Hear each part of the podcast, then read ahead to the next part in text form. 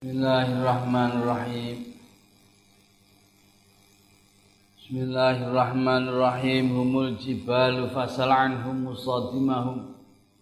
Mada ra'a minhum fi kulli mustadami. Hum utawi pasukan kanjeng Nabi iku al jibal laksana gunung-gunung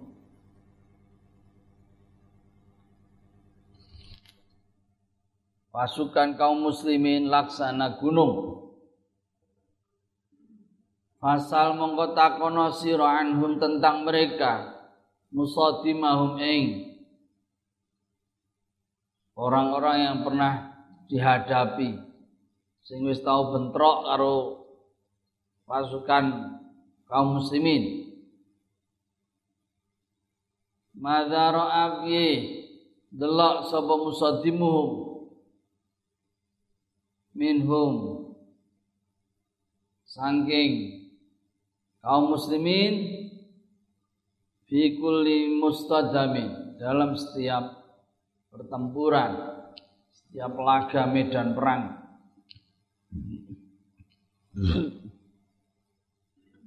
Pasukan nabi kokoh laksana gunung. Bila perlu Tanyakan kepada yang pernah bentrok langsung dengan mereka bagaimana rasanya menghadapi mereka di setiap peperangan, medan laga. Saudara masih tentang jihad Kanjeng Rasul Muhammad sallallahu alaihi wasallam. Bait ini masih menunjukkan kehebatan kaum muslimin yang di sini diserupakan dengan gunung. Gunung tentu saja penyerupaan terhadap sesuatu yang kokoh, yang kuat, perkasa. Ibaratnya kena udan, kena panas, kena angin, mendel wae meneng wae. Tidak seperti tidak ada perubahan. Kokoh. Ini gunung. Anda nggak percaya, tanyakan mereka yang pernah menghadapi kaum muslimin. Coba gimana? Tanyakan kepada mereka. Wasal Hunainan, wasal Badran, wasal Uhudan.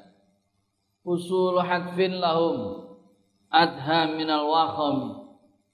Wasal Hunainan, tanyalah kepada Hunain perang Hunain.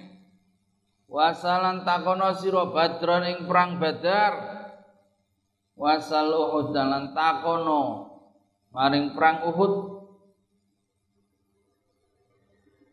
Usul hadfin utawi macem-maceme kematian, model-model kematian lahum kedue tentara musuh iku adha luweh mengerikan, luweh parah, luweh medeni minal wahom daripada wabah. Tanyakan pula pada Hunain, pada Badar, pada Uhud, niscaya akan mereka menyatakan ragam kematian para musuh yang dihadapi oleh kaum muslimin itu sangat mengerikan. Mereka mematinya itu sangat berikan. Lebih mengerikan daripada wabah, penyakit wabah. Ini hanya contoh saja disebutkan di sini perang Hunain perang Badar, perang Uhud untuk menunjukkan bagaimana dikdayane kaum muslimin. Perang Hunain ya perang di lembah Hunain ya. Di mana kaum muslimin asalnya kalah, kemudian kaum muslimin menang. Perang Uhud Sebaliknya, Asalnya menang kemudian kalah. Perang Badar perang yang kita menang. Semuanya menunjukkan juga jumlahnya tiga kali lipat semua. Pasukannya itu tiga kali lipat. Pasukan kaum muslimin kalah jumlah. Ya. Tetapi dari perang-perang itu bisa kelihatan bagaimana heroiknya kaum muslim. Ya. Fusul hadfin lahum adha minal wakhami model-modeli kematian Masya Allah mesti matine wong-wong musuh iku iso macem-macem ana sing saka dhuwur terus ana saka bisa terus Masya Allah ya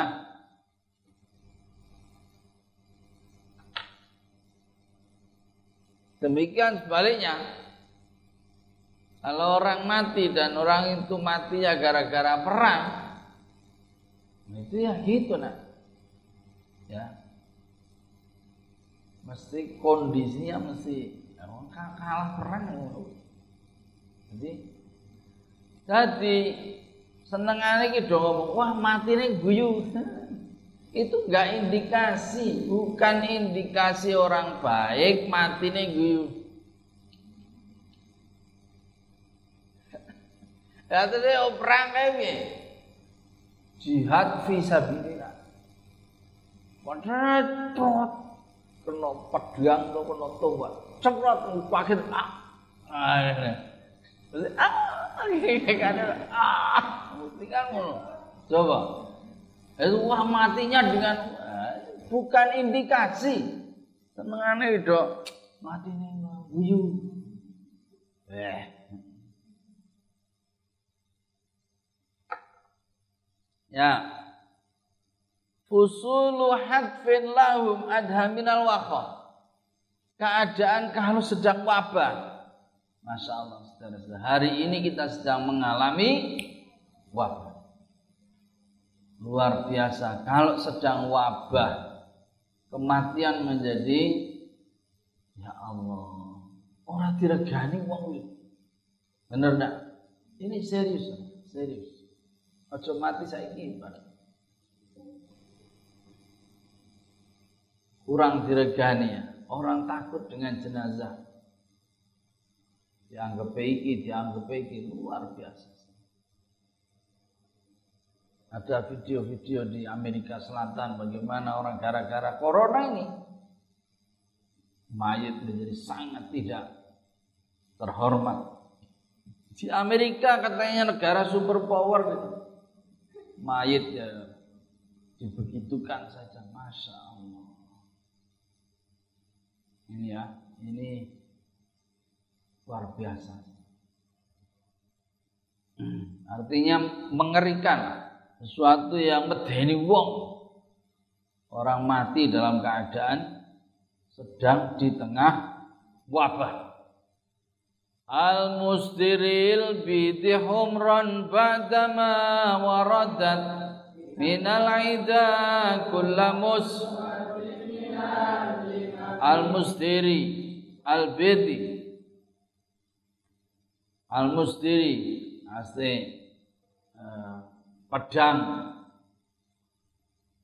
Al bidi yang putih.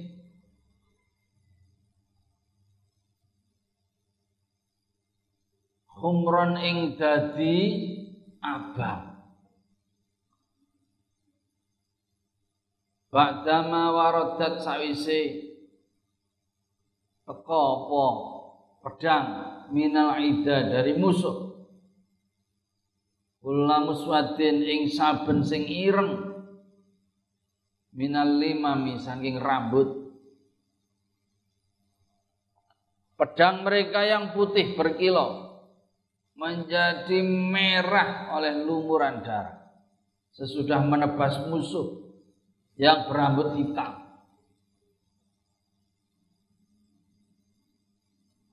Bait ini menjelaskan tentang keterampilan kaum muslimi di dalam menggunakan pedang. Pedang sing asale putih bersih, sing asale itu ya mengkilap menjadi merah ketika sudah berada di tengah pertarungan. Menunjukkan itu pedang sing kanggo. Bawa pulang pedang terus pedang itu. Lah kayak mau berangkat putih isih putih meneh lho. Lah kanggo lah aku delik. Lah iki rambut tuh. Jadi justru sing top iki nek dekne perang waduh. Padane mone kan rapi dari compang camping. Ini di wah kena pedang, uh gagah. Sama pedangnya ini asalnya itu mengkilap jadi merah bekas darah. Ya. Kula muswadin minal limami. Apa sah? Jadi hebatnya kaum muslimin itu yang dicari itu yang rambutnya masih hitam apa maknanya? Tentara musuh yang masih muda. Jadi tentara musuh sing golek sing nom-nom. Sing isi ireng rambutnya mesti sing nom. Orang aku milih sing tuwek-tuwek, ah, aku milih sing tua wae lah, iya karang. Ini enggak, sing dipilih justru sing nom. Ada juga penafsiran bahwa yang dimaksud hitam itu untuk menunjukkan bahwa ini sesuatu kemungkaran yang menunjukkan kemungkaran, bukan hitam dalam pengertian kepemudaan. Tetapi hitam itu artinya mereka menunjukkan tanda keburukan. Jadi albid itu dia tanda putih artinya kesucian. Sedangkan tentara hitam itu masih tentara yang dia uh, tandanya dia adalah tentara yang penuh dengan uh, keburukan. Ya. Wal katibina bisumril khatima tarakat. Aqlamuhum harfa jismin ghairu munajimin. Wal katibina dan para penulis, para tentara pasukan kaum muslimin bagaikan penulis. Bisumril khatti kelawan senjata berupa tulisan bisumril khatti kelawan senjata tulisan rupane kaya tulisan. Mata rokat tidak meninggalkan opo aklamu pena mereka. Harfa jismin ing tubuh. Membuat tubuh itu ada tulisannya. Ghairu munajimin tanpa titik. Nah, tanpa torean luka maksudnya masya Allah. Mereka bagaikan para penulis dengan panah dan tombak musumril khat yang dengan pena-pena itu mereka tidak menyisakan satupun bagian tubuh musuh tanpa torean jadi mereka menganggap tubuhnya musuh itu seperti kanvas. Jadi kayak ditato nih ya, ya ini sih kosong tuing, ini kosong tuing. Ya Allah, iso eh. Jadi senjata di sini diibaratkan seperti pena. Bagaimana pena? Pena abot gak? Pena tidak abot. Mereka membawa senjata seperti membawa pena. Artinya dia mainkan dengan enak, nyaman, tidak merasa repot, susah. Seperti pena lah inti kebetulan nanti lalu di wiri wiri bisa di wiki wiki bisa. Yang dengan pena itu dia gambar tubuhnya itu di tubuh musuh ini kosong iya iya. Masya Allah. Ya. Jadi tidak menyisakan tubuh musuh itu tidak ada coret-coret kan. Kabeh kudu Ini saking apa ya? Eh saking ya mestinya ke ini gak jeruk gitu.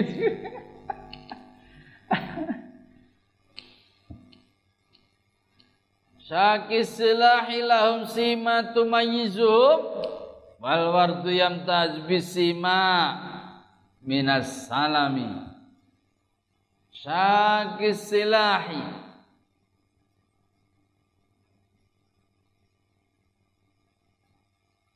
Utawi gawa pedang.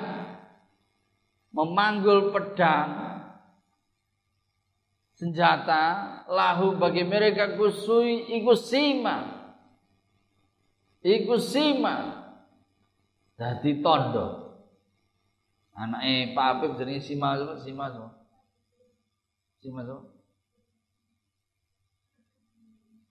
Simas apa? Simas Zahia. Ya. Tondo sing cemerlang putih Pak Apip. Iku sima jadi tondo tumayizu yang beda ke apa? Tondo huming mereka. Yang menjadikan mereka itu istimewa tandanya itu dia pakai di mana-mana membawa pedang. Ke mana-mana bawa pedang. Itu tandanya pasukannya kaum muslimin. Wal wardu utawi bunga mawar. Iku yang tazu istimewa apa bumawar bisima dengan tanda minas salami dibanding bunga salam. Sama dengan bunga mawar, beda dengan bunga salam. Lihat bedanya apa? Bunga mawar itu keproknya begitu. Tetapi bunga mawar itu ada durinya sama dengan ya, kaum muslimin pasukan bawa pedang. Nah, ke, ke, kelihatannya itu indah tetapi bawa pedang. Wangi bawa pedang. Ya. Seperti eh, keindahan bunga mawar. Ya. Jadi keindahannya tidak lupa dia bawa pedang. Seperti mawar senantiasa ada durinya tuhdi ilaika riyahun nasri nashrahumu wa tahsabu zahra fil akmami kullakami tuhdi memberitahu ngabarke ilaika maring sira apa riyahun nasri. Angin kemenangan nasrahum ing nyebarke mereka.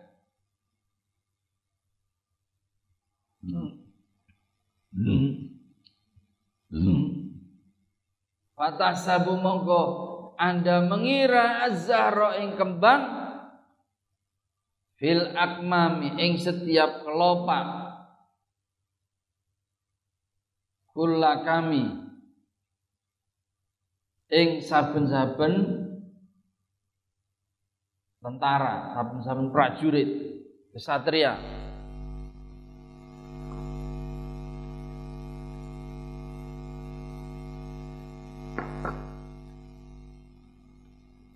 Angin memberikan kabar bau harum kemenangan mereka kepadamu. hingga engkau mengira setiap kesatria adalah bunga dalam kelopaknya.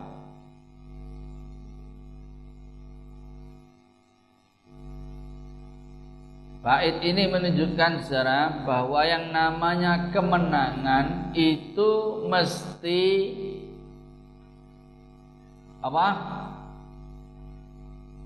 Baunya harum, mesti baunya wangi. Setiap kemenangan itu mesti sesuatu yang menyenangkan untuk dinikmati.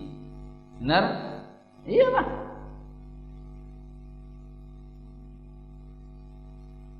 Jadi kemenangan itu laksana bau harum. Ini ini penting kaidah. Kemenangan itu mesti selaksa bau harum.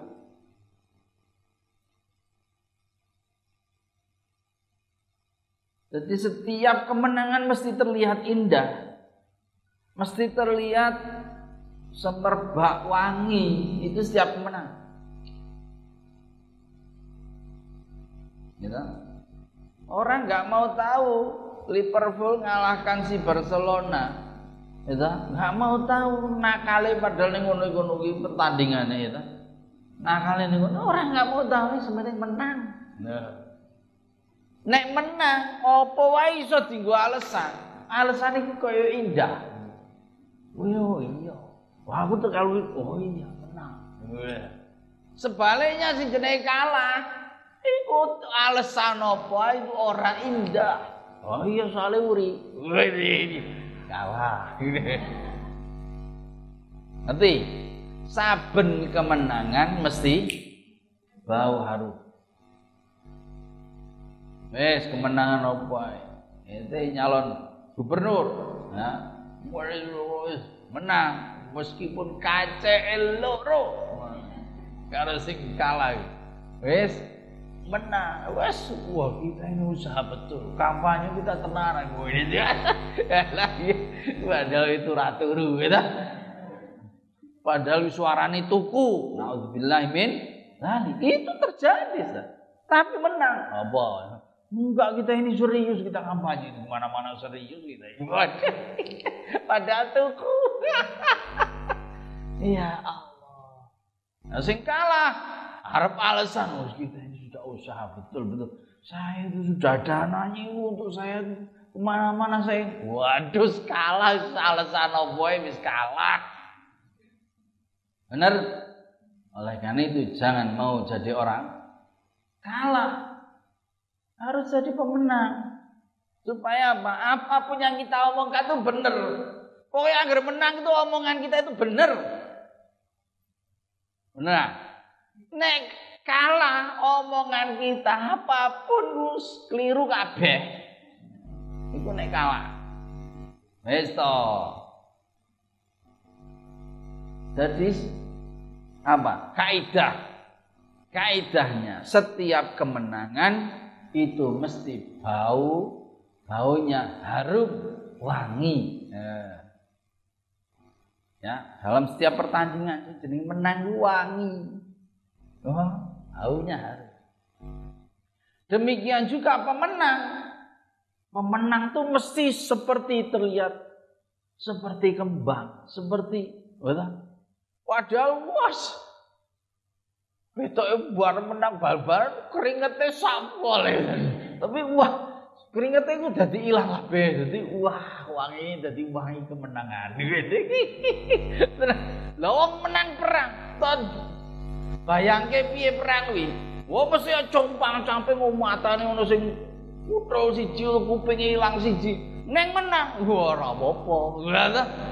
Jadi menang kabeh alasannya menang kabeh dan orang yang mengalami kemenangan juaranya itu mesti wangi melu jadi idola. Paham? Sama di sini.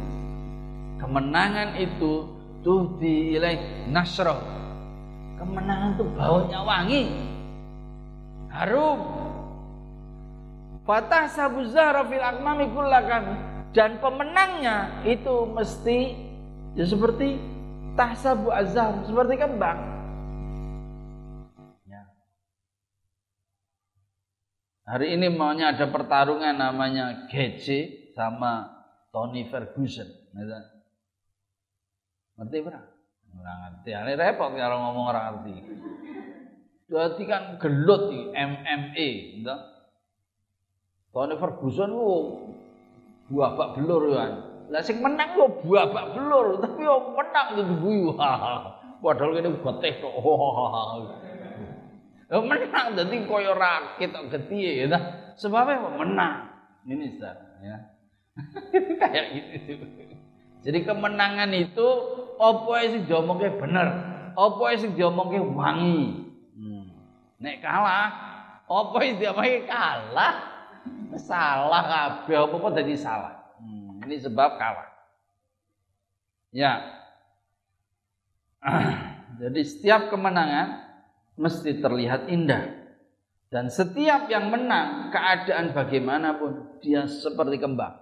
Dia mesti wangi, dia mesti harum, mesti diidolakan. Ya. Ka'annahum fi dhuhuril khairi nabturuba min syiddatil hazmi la min syiddatil huzumi. Ka'annahum kaya-kaya tentara fi dhuhuril khairi ing dalam dure kuda iku nabturuba pohon rubah tentara kaum muslimin yang berada di atas kuda itu laksana pohon rubah. Pohon yang adanya itu di puncak-puncak bukit, puncak gunung. Min syiddatil azmi. Saking kuatnya komitmen, saking kuatnya keteguhan hati.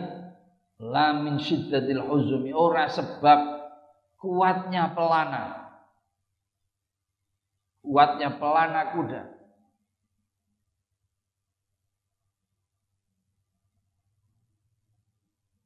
Kalau tadi menjelaskan tentang keterampilan mereka membawa pedang, maka bait ini menjelaskan kehebatan pasukan berkuda. Mereka ini kokoh di atas kuda mereka seperti nemplek dengan kudanya. Ya. Seperti apa? Seperti pohon rubah. Pohon rubah pohonnya ada di puncak bukit. Ini pohon di puncak bukit itu tidak mudah, Ustaz. Karena dia semakin tinggi, itu semakin banyak mendapatkan terpaan. Nah, kalau Anda bisa bertahan di situ, oh berarti oh, kuat, tenang nih sore. Apa nih? Akarnya Kuat banget, komitmennya kuat sekali. Dan dikatakan min syiddatil hazmi tentara ini kaum muslimin kuat sebab komitmennya kuat. Kepinginan untuk menang kalau kalah kepinginan mendapatkan syahadat. Lamin syiddatil huzum tidak sebab pelanane, tidak sebab peralatane kok dadine dekne koyo kuat enggak. Tapi sebab komitmennya, keteguhan hatinya. Jadi nih, nek wonge kuat, ya toh, liyane dadi gampang. Sebaliknya nek sing kuat kuwi peralatane tapi wonge ora pate kuat, kuwi minggrik. Wonge dadi apa? Wala tanfa'ul khairul kiramu walal qona idza lam yakun fauqal kirami iramu sampean duwe sepeda motor. Sepeda motor king utawa ninja. Tapi sampean ora tau numpai ninja. Sampean numpai Scoopy. Hmm. sampean kayak gue ya malah bingung dhewe. Itu ora iso banter. Hmm. tapi nek wis biasane itu pembalap itu biasane pembalap sampean nganggo skupi. Ya sampean iso ngalahke karo wong sing digawe ninjane ngrapate rampil. Bener. Jadi masalahnya itu bukan senjatanya. Tapi man behind the gun. Ngerti lah? Kali bawah? Ngerti lah? Man behind dekat. Jadi orangnya ini loh. Orangnya ini punya keterampilan nggak? Punya komitmen nggak? Punya kemampuan nggak? Nek alatnya hebat, tapi wonge iku wedi. Wah, wonge ya wis malah glundung dhewe runtekan gone. Bisa. Ya, jadi hebatnya kaum muslimin dianya yang komit Nah baru peralatannya itu semakin menambah dia gagah, semakin menambah dia hebat. Ini, ini kaum muslimin. Jadi mereka perjuangannya itu serius, tulus, tidak melihat aspek yang lain. Ini kaum muslimin. Farat qulubul ida min ba'sihim faraka. Fama tufarriqu bainal bahmi wal buhami tarot tarot gelisah gundah resah wedi apa kulubul ida atine musuh wedi mimba sim sebab urusane denene sebab hebate ganase wong muslimin Marokon ing membuat kocar kacir. Membuat pecah belah. Fama tu fariku maka anda tidak bisa membedakan oh bukan anda. Fama tu fariku mongko ora iso bedake apa qulubul ida. Bainal bahmi antarane anake wedhus wal buhami dan tentara. Hati pasukan musuh gelisah dan gundah gulana melihat dahsyatnya serangan kaum muslimin hingga mereka tidak bisa membedakan antara kumpulan anak kambing dan pasukan satria. Ini secara-secara orang yang takut itu orang yang kemudian menghilangkan rasa takutnya itu dengan lari, dengan pergi, dengan Nah, kalau yang ditakuti itu sesuatu yang dahsyat, sesuatu yang luar biasa, ya. Maka dia kemudian sampai lupa diri. Ini betul, ini bukan sesuatu yang bukan sesuatu yang hayal. Coba kalau ada kebakaran, naudzubillah kita sering lihat ada kebakaran, ya di video-video itu dan orang yang kebakaran itu dia dikirane gawa anake, ternyata gawa bantali anake. Lah lu anake lu, lu lali tak. Orang lali karena sudah hilang akalnya. Gelisah yang sangat itu hilang. Ono gempa. Iki tenan nih, lagi adus gempa, metu trundul. Lah ora nggo apa-apa kok metu, wis kira kelingan. Ujo.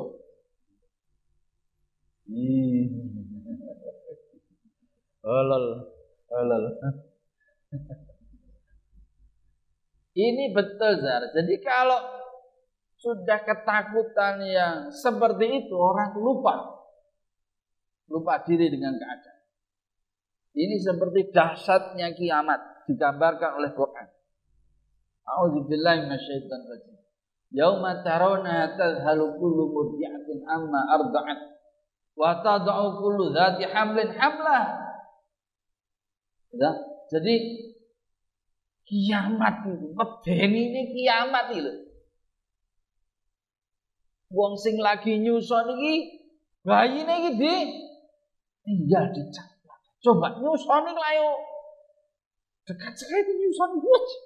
Ditinggal. Saking di dasar. Wong sing ya meteng saking kaget tok metu dhewe.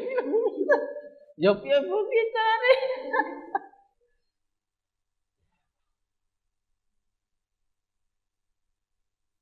Jadi orang keadaannya seperti mabuk. Ini Quran. Wataron nasukar. Artinya apa? Orang lupa diri. Sama dengan orang ini yang perang ini musuh yang lali. Lagi iki wedhus apa iki musuh? Kira iso beda iki saking bingunge. Kan terus dia ya Allah. Dahsyatnya pokoknya. Ini itu maksudnya. Ya. Oh gawe siir kok iso ini ini. wa man takun bi rasulillahi nusratuhu intal qaul usdu fi ajamiha tajimi wa man utai sapa iku takun ana iku bi rasulillahi lawan Gusti Allah apa nusratu bantuane nusratu bantuane wong orang yang menjadikan kemenangannya itu berkat Kanjeng Rasul intal kolamun ketemu ing wong opo al usdu singa di ajamia ing dalam tengah hutan. Tajimi. Nah uh, tunduk apa Ini ini semua bagaimana saudara? Kesimpulan dari bait-bait di atas.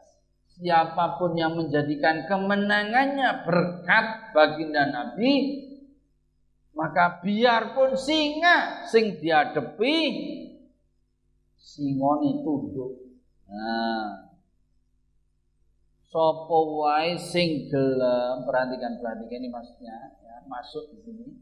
Sapa wae sing gelem dadekke Kanjeng Nabi sebagai wasilah permohonannya pinyunannya pinyunan pinyu permohonannya dungo dungo nganggo solawat maka dia tidak akan ketakutan di mana-mana. Dia dia tidak takut mesti ketemu dengan macam.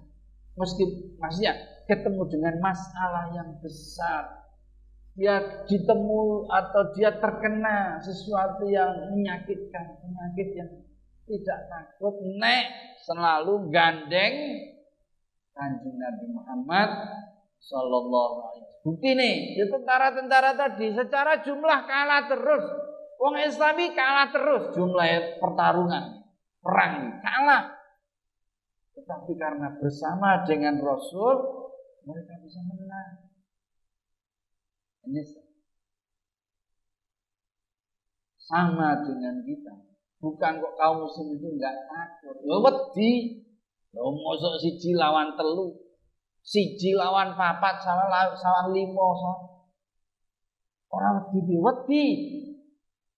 Tapi ketika kanjeng Nabi dijadikan sebagai wasilah dungane menjadikan tidak wedi menghadapi masalah menghadapi musibah sesuatu yang besar.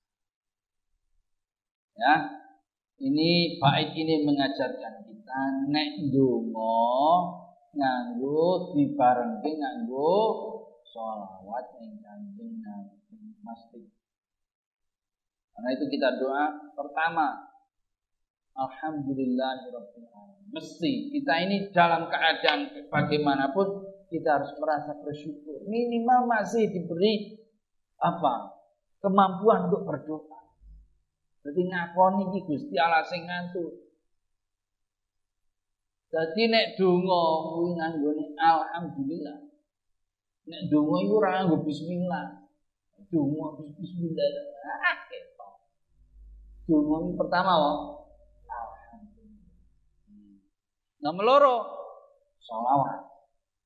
iki kanggo matur nuwune dhewe wasilah dongane awake dhewe lewat Nabi. Itu mesti diakhiri gitu juga. Wa sallallahu ala sayyidina Muhammad walhamdulillah. Ini iki tata cara berdoa. Nggo auzubillah. Donga kok auzubillah. Maca Quran nganggo auzubillah. Itu paham. Sudah. Dungo alhamdulillah. Nulun dulu dulu ya Allah. Ini nambah-nambah bid'ah mana bid'ah. Tidak pas gitu loh, tidak pas. Kalau sampai nih lapangan mesti nih bal-balan nganggo sepatu bal. Ya, tidak nih lapangan nganggo sepatu liane terus dicopot terus nganggo sepatu bal kan midon. Nah, jadi nek donga ora usah nganggo auzubillah. Ora usah nganggo nganggo apa? Langsung alhamdulillah. Ya. Baik. Dan tentu saja sholawat. Ya. Walan tara min waliyin ghaira muntasirin bihi wala min aduin ghaira munqasimin Walantaro Anda tidak pernah melihat min waliyin saking kekasih ghairu muntasirin yang tidak tertolong bihi sebab Nabi. Ada kamu, ada kekasih ben loro wis loro ras no. Ana kekasih ngono kira gitu. Nek loro ya bojone loro ya kita ini sayang itu. Aduh kok sayang kok loro. ya ngarepe iki ora loro lah. Loro piye menah ya terus yo. Piye ngono lah. Ngene iki ya. Ya Wala min aduin lan ora saking musuh ghaira munqasimin yang tidak terkalahkan. Iki memberi alasan pada bait sebelumnya. Bait sebelumnya apa? Bait sebelumnya apa? Kita diminta setiap kita menghadapi masalah, kita menghadapi, kita jaluk, kita diminta untuk baca sholawat wasilah kepada kanjeng Alasannya apa? Ini berkat beliau, berkat Nabi, berkai wasilah kepada Nabi, engkau tidak akan pernah melihat kekasih yang tak tertolong. Oh apa? Nek sampean seneng karo kanjeng Nabi, mestine sam kanjeng Nabi ya seneng nek sampean. Apa sampean nek jaluk tulung dekne apa Ganti dan ini mesti harap dulu sampai. Dan musuh yang tak terkalahkan. Mesti nih sampai mangkel karo wong. Kanjeng Nabi mesti melu mangkel. Ini saja. Jadi tidak ada kekasih yang tidak tertolong, tidak ada musuh yang tidak terkalahkan. Iki nek awak iki gelem wasilah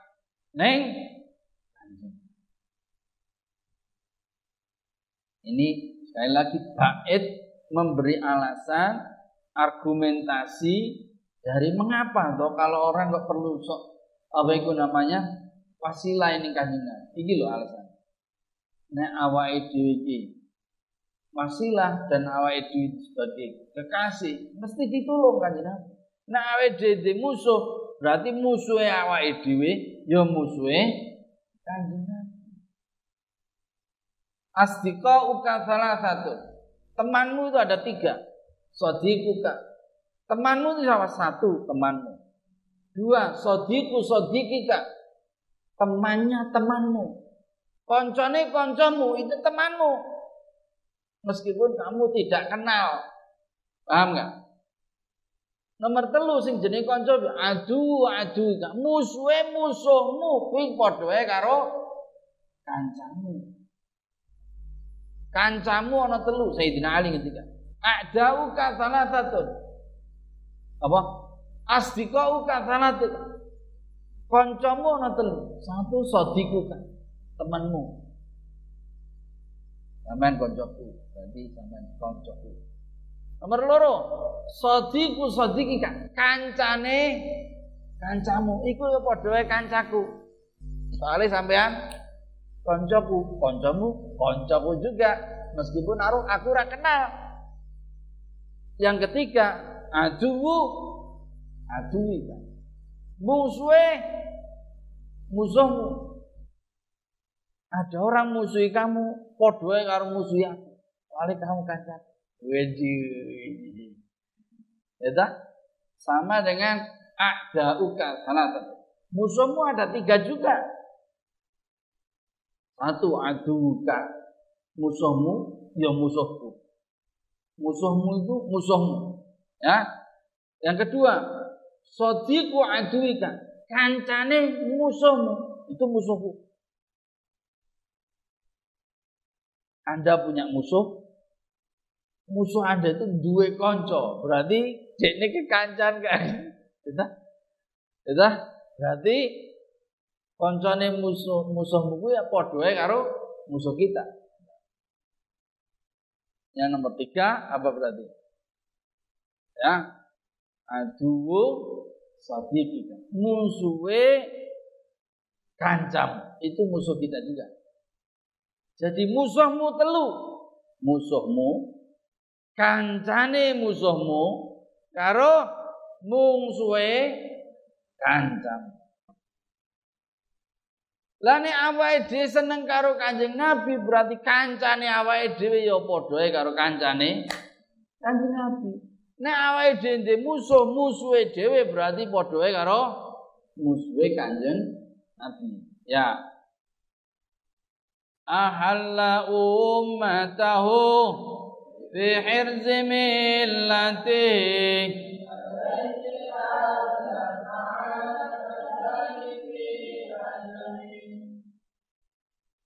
Tidak kisah ya. Ahalla menempatkan Sapa Kanjeng Nabi umat tahu ing umat Nabi fi hirzi millati di dalam naungan agamane Nabi, penjagaan agamane Nabi. Nabi jogo awake dhewe selaku umate iku sak pole. Bentuke piye? Iku kalaifi kaya singa. Kala yang manggonke apa singa ma'al asbali sertane ya anak-anak singa di ajamin ing dalam hutan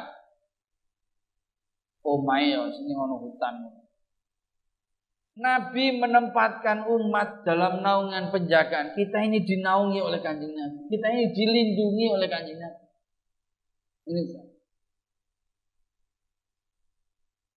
Bagaimana perlindungan Nabi? Kan Nabi ngetika, al muslimu akhul muslim kita ini bersaudara. Jadi meskipun kita ini di Afrika ketemu dengan sesama muslim, ya, Nabi memberi perlindungan pada kita lewat teman kita muslim yang di sana. Dia tidak akan mendolimi kita, dia tidak akan menaknah-kali kita, dia tidak akan macam-macam. Ini perlindungan Nabi lewat hadis-hadis, lewat agama nih kanjeng Nabi. Innamal mu'minuna ikhwatun. Ya, dan seterusnya dan seterusnya. Seperti apa? Kalai fi halla ma'al asbali. Seperti singa yang melindungi anak-anak. Oh, singa melindungi. Kowe cedak-cedak kok singa. Long pitik kowe cedak sama di peladung kok. Pemene singa, cokot namanya. ya. Ini per apa perumpamaannya. Ya kam jaddalat kalimatullah min jadalin fihi wa kam khosamal burhanu min khasam kam jaddalat banyak sekali betapa banyak ngeyeli tentang debat apa kalimatullah Al-Qur'an? Min jadalin. Sangka wong sing ngeyel wong sing debat. Fihi ing dalam? Fihi ing dalam apa? Fihi ing dalam Quran sini ya.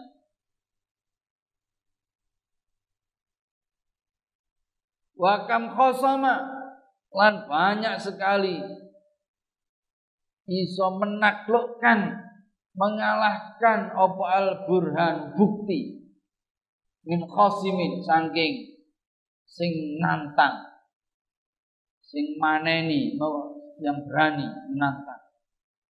Betapa sering Quran menjatuhkan musuh dalam perdebatan dan betapa banyak bukti mengalahkan musuh yang menantang.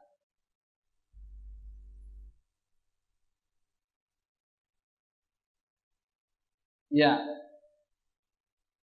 betapa banyaknya bukti ya menunjukkan kebenaran Islam. Kalau kebenaran Quran sudah tidak kita ragukan. Karena apa? Ya banyak buktinya. 1400 tahun tidak ada yang bisa mengalahkan, tidak ada yang berani bisa nandingi. Setiap yang dipalsukan mesti konangan. Hebat. Ini Quran. Kalau bukti-bukti kebenaran Islam, Masya Allah. Ya, luar biasa. Ketika Islam lewat Quran menyatakan bahwa proses proses terbentuknya manusia itu mulai dari janin, kemudian gumpalan darah, kemudian gumpalan daging, kemudian jadi wong. Dan prosesnya seperti itu orang nggak mungkin loh. Tahu begitu nggak mungkin loh. Kok bisa? Wong waktu itu durung ono mikroskop, durung ono USG lah kok iso semene semene semene lah kok iso iki dadekke wong wong hebat, Profesor Maurice Buchel ini melebu Islam sebab kuwi. Kok iso? Ini kalau bukan iki sing ngomong ki udu Masuk Islam. Wong pinter ora otok-otok iki. Masya Ya. Dan betapa banyak bukti. Bukti nek Fir'aun Fir'aun itu nentang 6000 tahun kemudian jasadnya ditemokke dan masih utuh betul. Luar biasa. Ini bukti Quran lho kok iso. Wis 600 tahun Quran ngomong, engko jasate ana ditemokke. Lah kok ditemokke tenang. Apa harap ini ini ya. Jadi bukti-bukti kebenaran Islam bukti yang nyata, ya, bukti yang bisa kita lakukan setiap hari, ya. bukti yang kita bisa contohkan setiap hari, ataupun bukti yang berupa ayat-ayat Quran tak terbantahkan. Nih. Banyak sekali bukti, saudara. Ya, uh, masya Allah. Katakanlah hari ini kita punya corona. Kata para ahli ini yang bilang ahli. Dengan kita memperbanyak wudhu, itu kita bisa ngusir si corona. Luar biasa. Ya. Jadi dengan wudhu saja. Ya. Dan banyak hal, banyak sekali. Ya. Kafaka bil ilmi fil umiyyi mu'jizatan fil jahiliyati wa ta'tibi fil yutumi kafa nyukupi kain siro bil ilmi nyukupi kain siro bil ilmi Oh bagi faile berarti apa? Kanjeng Nabi ya? Cukup sapa nabi kaing sira bil ilmi kelawan dingerteni fil ummi ing dalam keadaan umi apa nih mukjizatan mukjizate? Fil jahiliyati ing dalam mongso jahiliyah. Wa ta'dibilan pendidikan. Fil yutumi ing dalam keadaan yatim paham gak ini cukuplah sebagai pengetahuanmu bahwa bukti kemukjizatan Nabi adalah Beliau seorang umi yang hidup di masa jahiliyah. Yang kedua, beliau dididik. Beliau beliau itu keadaannya yatim. Ya. Anak yatim. Paham gak Ustaz? Jadi udahlah nggak usah bicara banyak-banyak tentang kebenaran kanjeng Nabi Muhammad SAW. Cukuplah dua hal ini bisa jadi bukti bahwa beliau betul-betul sebagai nabi. Gak usah bicara Quran, gak usah bicara apa hebat-hebat. Sekarang kita berikan dua bukti saja bahwa nabi itu seorang nabi. Kanjeng Nabi Muhammad betul-betul utusan Allah. Satu, beliau itu seorang umi. Umi itu apa? Tidak bisa membaca, tidak bisa menulis nggak bisa baca, nggak bisa nulis.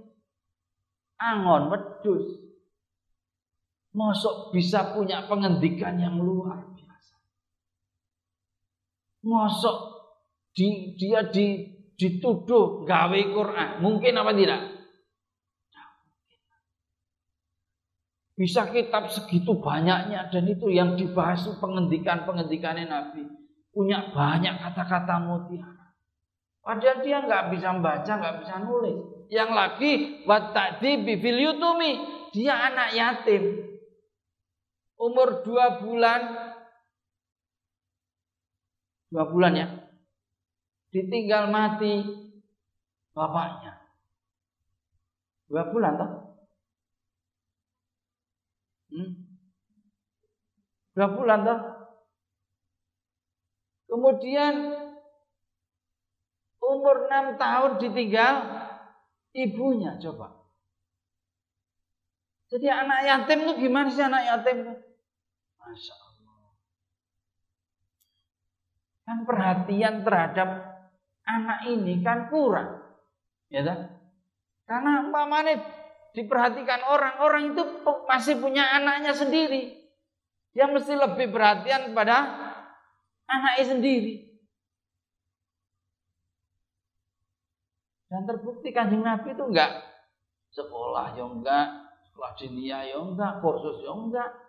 Ya Apa malah melu kartu prakerja enggak. Ya Masya Allah gitu bisa menaklukkan sampai Persia, Roma. Pengendikannya seperti itu, akhlaknya seperti itu. Saya ngajari sopo coba.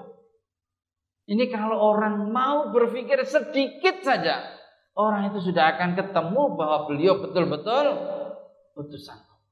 Ini dari dua Anak yatim, dia orang yang ummi, tidak bisa membaca, tidak bisa. Nah, kok bisa?